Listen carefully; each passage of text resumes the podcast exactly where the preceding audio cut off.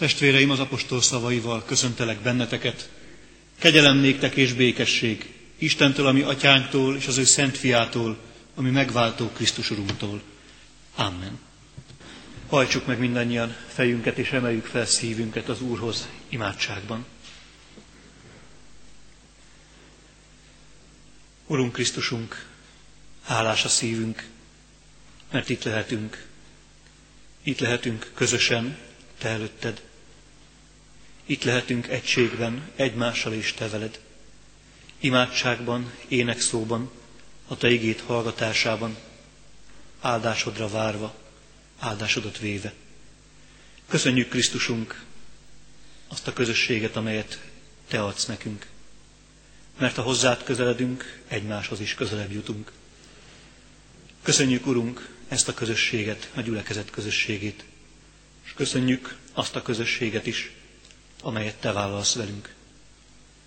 Köszönjük, hogy ha bár Te hibátlan, szeplőtelen bárány vagy, mégis lehajolsz hozzánk, bűnösökhöz, akik nem úgy szeplőtelenek nem vagyunk, de olykor nagyon nehéz egy-egy tiszta foltot találnunk magunkon. Köszönjük Krisztusunk ezt a kegyelmet. Köszönjük azt a kegyelmet, amelyet most itt jelenlétedben kérhetünk és tapasztalhatunk meg. És köszönjük azt a kegyelmet is, amely már készen van, amely már a miénk.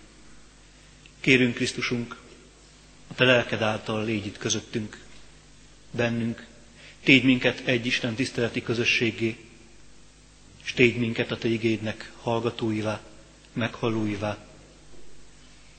Add, hogy megismeressünk Téged jobban, valami újat megtudjunk rólad. Kérünk Krisztusunk, küld el lelkedet mi közénk. Amen.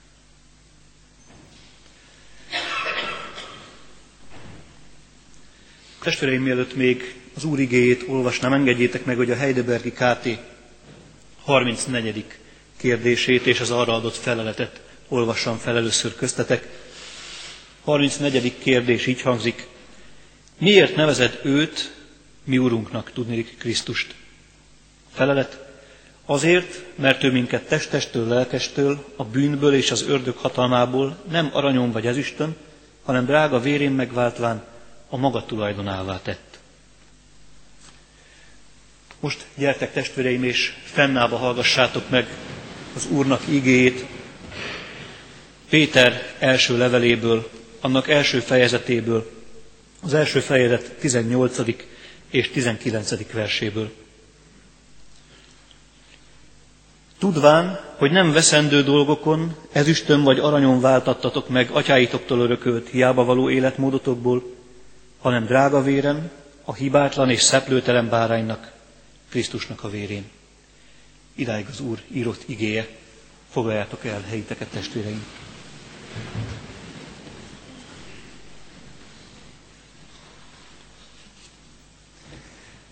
Nem tudom, hogy a testvérek mennyire követik nyomon a híradókat, a híreket, de nekem is meglepetésemre, azt hittem, hogy már réges-rég szabadlábon van, csak idén szabadult a vízkis rabló.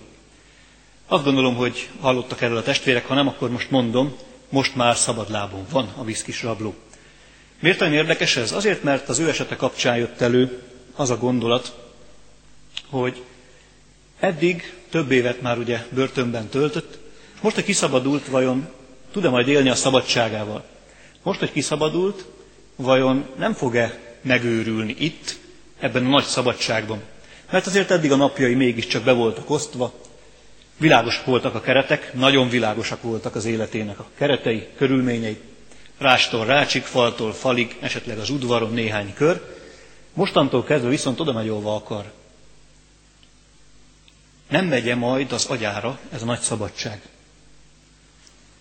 Szabadság és keretek jöttek elő ebből az első, általában kriminálpszichológusok által megfogalmazott véleményből. Szabadsághoz kellenek keretek. Mindenképpen. Még akkor is, hogyha a szabadság szimbólumára, a nagy sasmadára gondolunk, számára is kellenek törvények ahhoz, hogy valóban szabad lehessen. A gravitációval ő sem tud semmit sem csinálni, nem tudja megváltoztatni, legfeljebb kihasználni. Ott vannak a fizikai törvények, mint keretek az ő számára is. Ott van a saját testsúlya, fölépítése és a többi. Keretek közé van szólítva, és mégis azt mondjuk, szabad. És mégis oly sokszor hallom én magam is, nem akarok függeni senkitől és semmitől, szabad szeretnék lenni. Szabadság nincsen keretek nélkül mégsem.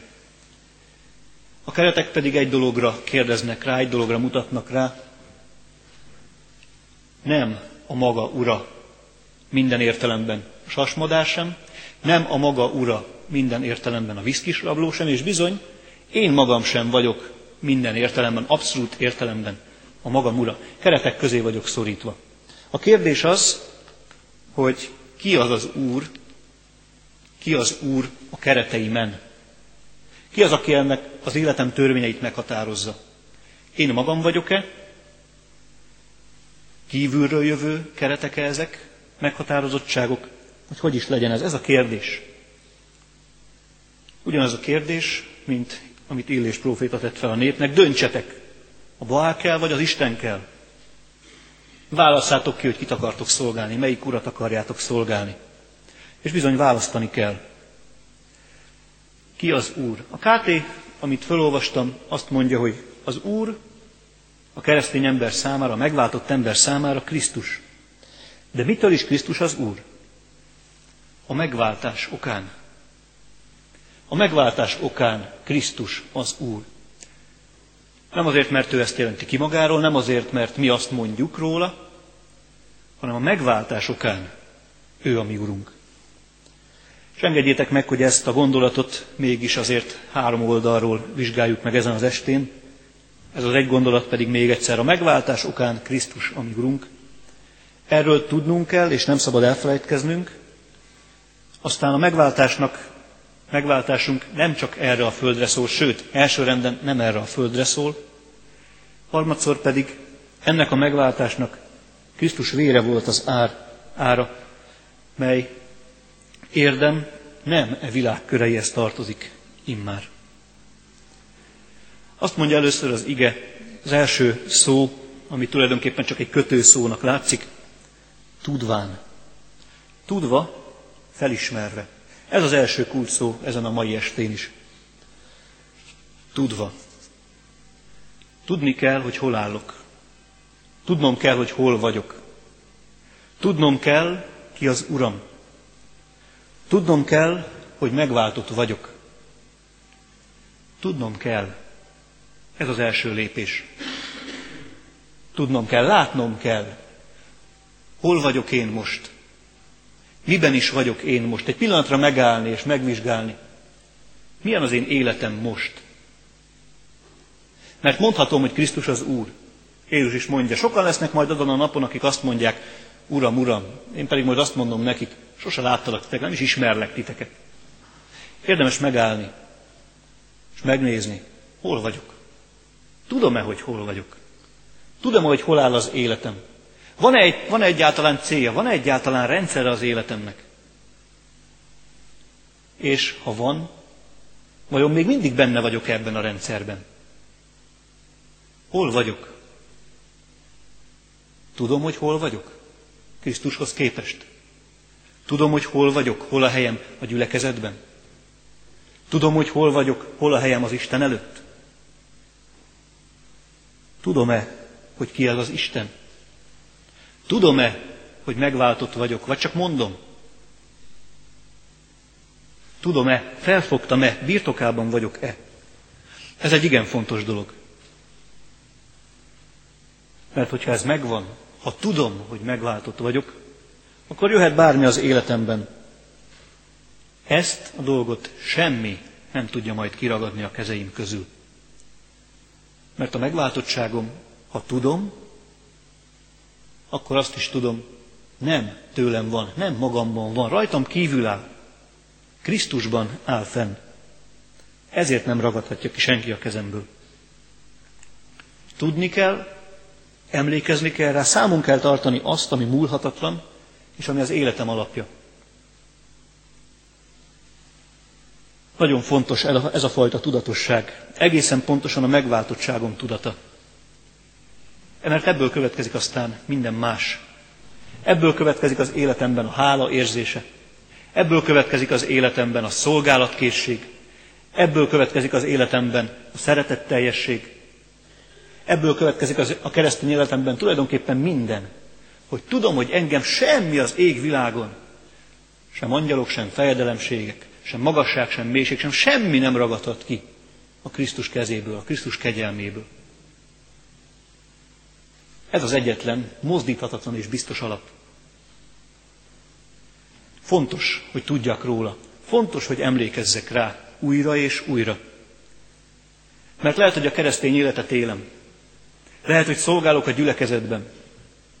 De életem alapja nem a szolgálat. Életem alapja nem a keresztény életben való előrehaladásom, hanem az életem alapja igazából, és ezt újra és újra fel kell magunkban idézzük, még mindig a Krisztus kegyelme. Senki sem vethet más alapot a meglevőn kívül, aki a Krisztus. Fontos, hogy mi épül rá. Fontos, hogy milyen szolgálataim vannak. Fontos, hogy vajon léptem-e előre a megszentelődés útján, vagy sem. De a legfontosabb, amit senki nem vehet el, ez az alap, a Krisztus kegyelme. Emellett eltörpül minden más. Eltörpülnek a kudarcok, de eltörpülnek a sikerek is. Enyhül a fájdalom, és nem torzul el az öröm sem. A jobb könyvéből a picike kis verset, a 19. fejezet 25. versét kivesszük, akkor látjuk, hogy már ő is azt mondja, mert én tudom, hogy az én megváltóm él. Tudatában vagyok. Tudom, hogy ki az az Isten, aki engem megvált.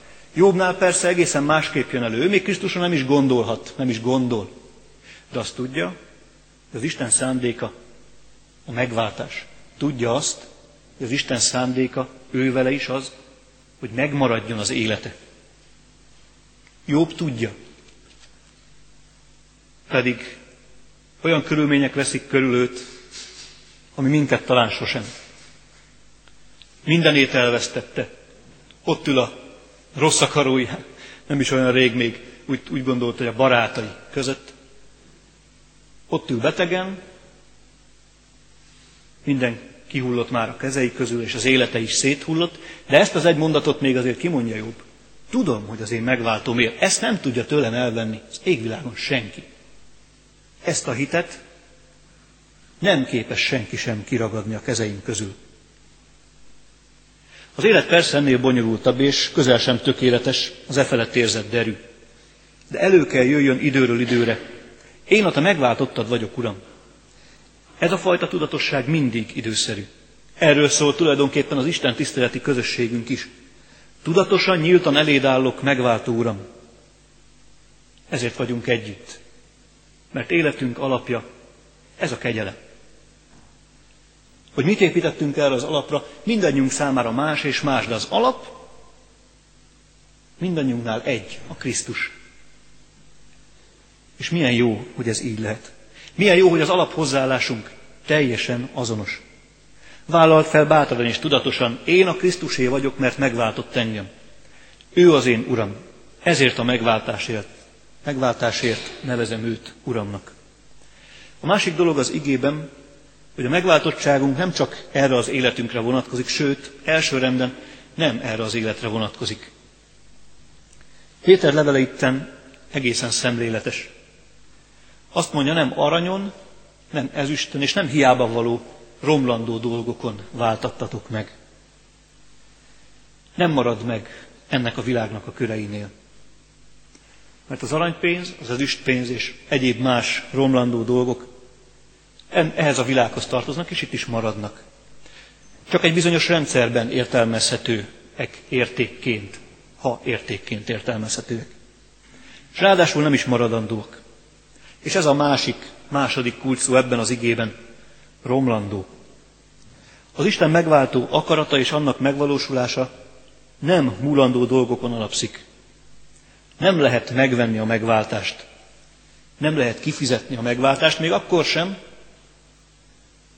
ez a középkor egy bizonyos szakaszán úgy tűnt, hogy az egyház részéről is hitelesítve van. Azt gondolom, hogy ha máshonnan nem történelem tanulmányainkból emlékszünk a búcsú cédula fogalmára, amikor eredetileg a penitenciát elengedő kis papírost árultak szerzetesek, de aztán a népnek ez úgy jött át, nem a büntetést bocsátják meg, egyenesen a bűnt bocsátják meg. Már pedig ennek a papírosnak volt egy ára. Gyakorlatilag azt lehet mondani, most így 2012-es viszonyok között, ezer forintért van bűnbocsánat. Befizetsz egy bizonyos, bizonyos összeget, és az Úristen elnézi neked minden bűnödet. Nem érdekes, mit csináltál, vagy mit nem. És tulajdonképpen az a pénz összeg a te megváltód. Volt ilyen a középkorban is. De azt gondolom, hogy az ilyen dolgok nagyon nehezen írthatók ki. Megveszem az Istentől én a megváltásomat. Megveszem pénzen, aranyon, ezüstön, mulandó dolgokon. Megpróbálom kiérdemelni. Megveszem imádságon, bibliolvasáson, jótékonykodáson. Megveszem szép gondolatokon, filozófálgatáson. Megveszem jelenléten, vagy bármi máson, ami e világ köreihez tartozik. Megvan ez a gondolkodás azért még ma is. Megveszem a megváltásomat, mert képes vagyok rá. Már pedig ez az ige szakasz azt mondja, nem aranyon, nem ezüstön és semmi más romlandó dolgon nem váltott meg minket az Isten. Nem azt várja az Isten, hogy kifizessük őt. Nem azt várja az Isten, hogy valami nagy dolgot tegyünk. Nem lehet kiérdemelni semmi evilági dologgal, cselekedettel, szóval, vagy éppen eszmével a megváltást. Nem romlandó dolgokkal fizetett Isten a megváltásunkért. Abban az időben nagyon ismert volt, és hát többen láthatták is, ha kimentek piacra egy-egy nagyvárosban, hogyan adják és veszik a rabszolgákat az emberek. Hogyan lehet aranyon és ezüstön venni életet? Hogyan lehet aranyon és ezüstön venni szabadságot, ha úgy tetszik, megváltást a rabszolgaságból? Naponta láthatták az emberek, hogy az ember élet átkonvertálható pénzösszegre. Mennyit ér egy élet? Mennyit ér az Istennek egy élet? Mert tulajdonképpen a megváltásban is ez történik. Az Úristen megveszi az embert. Megveszi az embert, kifizeti az árat érte. Egyfajta tulajdonos csere történik, igen. Eddig a bűnnek szolgáltam, most már az Istennek szolgálok. Szolgálat rész az marad. De mennyivel másabb az Istennek szolgálni? Mennyivel másabb az Úristen szolgájának lenni, mint a bűné? Mert ugyan a megváltásban is ez a fajta adásvétel történik, de valami gyökeresen megváltozik mégis közben. És ez a valami, ami megváltozik közben, én vagyok. Nem csak egyszerű csere történik, nem csak arról van szó, hogy más lett az urad, hanem arról is szó van, más lettél te is. Mert a megváltás is más volt, mint egy egyszerű adásvétel. Más, mint amit eddig tapasztaltál.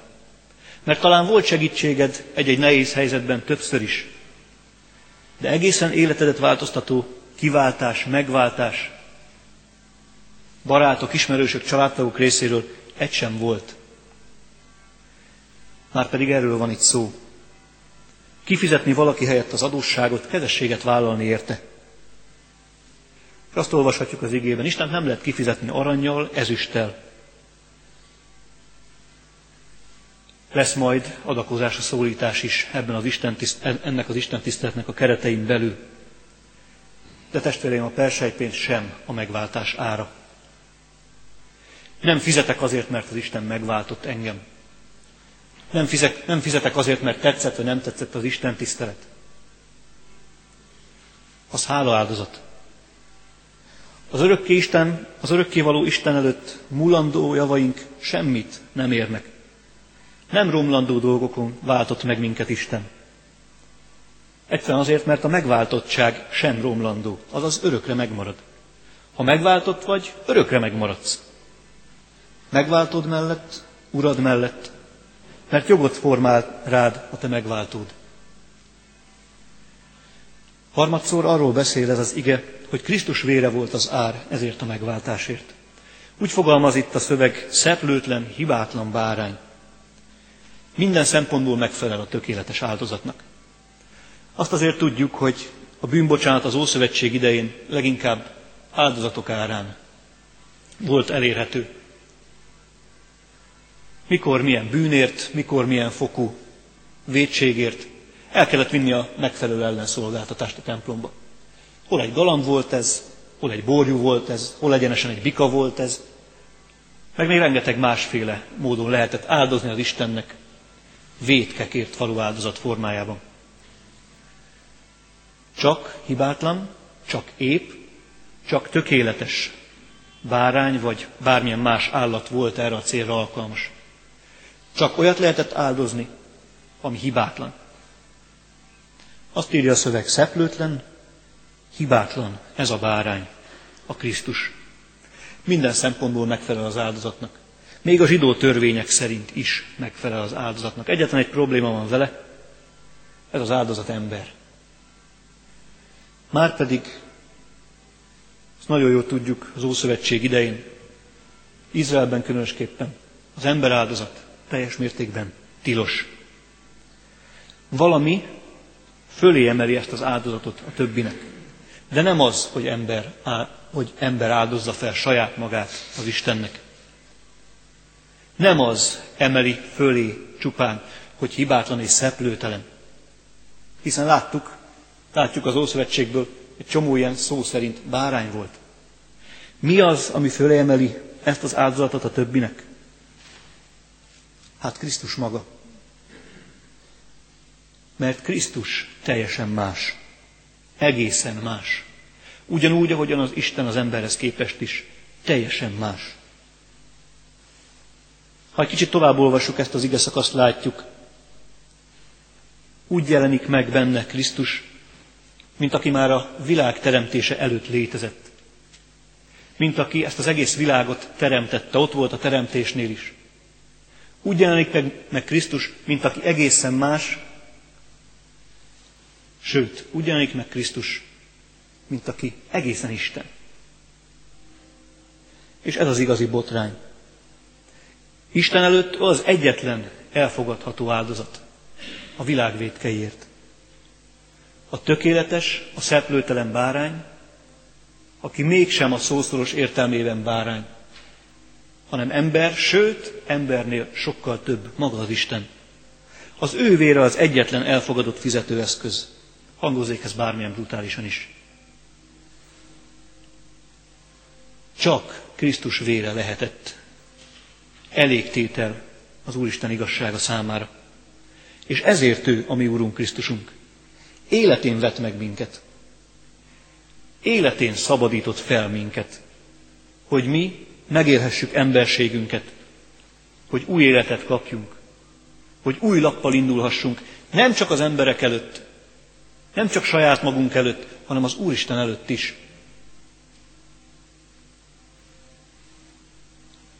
Azért jött és azért volt hajlandó megfizetni ezt az árat, hogy mi az Isten kegyelmébe esessünk, hogy mi megkaphassuk a kegyelmet. Azért fizetett, hogy a bűnszolgaságából az ő szolgálatába álljunk, immár szabadként. A múlt alkalommal elhangzott, immár nem vagytok szolgák, hanem fiak. És ha fiú vagy, akkor örökös is. Erről van szó. A Krisztus ezért jött. És fiak legyünk, és a fiak akkor örökösök is. Egészen más ez a viszony. Egészen más ez az élet. Egészen más ez az ember volt. Szabadsággal és függéssel kezdtük az elején. Tud-e a vízkis élni a szabadsággal, vagy nem tud élni a szabadsággal? Ennél nagyobb kérdés talán az, mi tudunk-e élni a szabadsággal, amit a mi Urunktól kapunk. Mert van Urunk. Kellett és kell is választani Urat. Vagy majd az Úr választ téged. De az nem biztos, hogy az élő Isten lesz. Krisztus, ami Urunk, a megváltás okán, ez is elhangzott. Krisztus, ami Urunk, a megváltás okán, erről tudnunk kell, és nem szabad elfelejtkeznünk. Ez a megváltás nem erre a földre szól elsősorban, nem a mulandó világra, világnak váltott meg minket Krisztus, hanem sokkal inkább az örök életre, az Isten országára.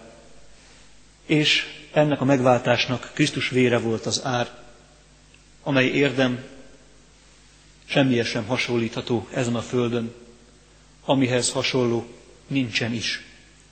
Ez viszont itt van. Testvéreim, én arra biztatlak benneteket, idézétek fel újra és újra magatokban, az élet nehézségei és örömei között is, milyen alapra épült az életetek. Idézétek fel magatokban, hogy a ti megváltásatok nem erre a világra szól, és tudjatok örülni annak az áldozatnak, amelyet Krisztus önként szeretetből vitt véghez ti értetek. Amen. Értek testvéreim, és imádkozzunk.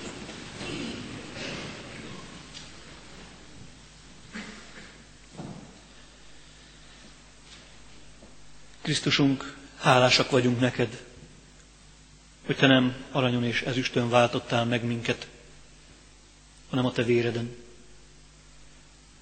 Köszönjük Krisztusunk ezt az értünk vállalt áldozatot. Köszönjük az értünk vállalt szenvedést, mert mi magunktól nem tudnánk elérni a megváltást. Köszönjük Krisztusunk, hogy volt benned szeretet, volt benned együttérzés mi irántunk. És köszönjük, hogy ez a megváltottság nem távol van tőlünk, nem évezredekre, és nem is kilométerekre, hanem egészen a miénk lehet. Urunk, nehéz ezt a megváltást elfogadni. Nehéz csak úgy elfogadni, annyira szeretnénk inkább tenni érte. Annyira szeretnénk megfizetni, kifizetni valahogyan.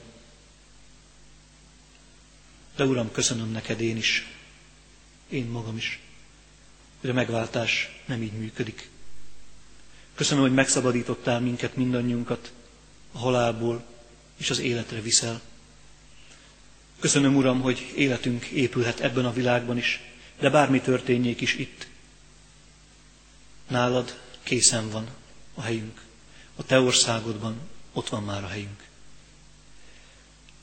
Köszönjük, Krisztusunk, azt is, hogy a Te áldozatodra, a Te kegyelmedre emlékezhetünk újra és újra. Kérünk, Urunk, juttasd eszünkbe a Te áldozatodat újra és újra. Juttasd eszünkbe olyan szituációkban is, amikor nem csend és nyugalom, nem testvérek szerető közössége, hanem harti zaj vesz minket körül. Urunkat, hogy ezen az alapon, a Te kegyelmed alapján meg tudjunk állni. Kérünk Krisztusunk mindazokért, akik most közöttünk gyászolnak, betegek, terhet viselnek. Te légy az ő megváltójuk. Te légy az ő vigasztalójuk, gyógyítójuk, felszabadítójuk, ahogyan nekünk is. Kérünk Krisztusunk, hogyha ebben, bármiben tudsz minket használni, használj minket. Alázatos, de mégis tevékeny szolgáitként állunk most előtted. Kérünk Krisztusunk, használj minket egymás felé. Kérünk országunk vezetőiért, és mindazokért, akik vezető pozícióban vannak, és akik a mi érdekeinket hivatottak képviselni a világban. Légy bölcs vezetőjük. Te adj nekik bölcsességet a jó döntésekhez, szeretetet és jó szándékot pedig mi irántunk. Kérünk Krisztusunk, te légy gyülekezetünknek pásztora. Te vezess minket keresztény életünkben. Te vezesd, te vezesd ezt a gyülekezetet is a maga útján. Urunk, nekünk pedig adj akaratot, türelmet és időt arra, hogy Te hozzád járuljunk, és tőled akarjuk megkérdezni, merre is menjünk tovább. Köszönjük Krisztusunk, hogy hallasz minket, és hogy meg is hallgatsz minket. Mennyei atyánk, Kérünk, hallgass meg minket, amikor Krisztusunktól tanult szavakkal szólunk hozzád. Mi atyánk, aki a mennyekben vagy, szenteltessék meg a te neved. Jöjjön el a te országod, legyen meg a te akaratod, amint a mennyben, úgy itt a földön is. Ami minden napi kenyerünket add meg nekünk ma, és bocsásd meg védkeinket, miképpen mi is megbocsátunk az ellenünk védkezőknek. És ne vigy minket kísértésbe, de szabadíts meg minket a gonosztól, mert Tiéd az ország, a hatalom és a dicsőség mindörökké. Amen. Testvéreim, hirdetem számotokra az adakozás lehetőségét. Jókedvel ajánljátok fel adományaitokat az Úrnak, hiszen tudjuk, hogy a jókedvű adakozót szereti az Isten. Most pedig kérjük és fogadjuk együtt a mi Urunk áldását. Testvéreim, kegyelem adassék mindazoknak, akik el nem múló szeretettel szeretik a mi Urunkat, a Krisztus Jézust. Amen.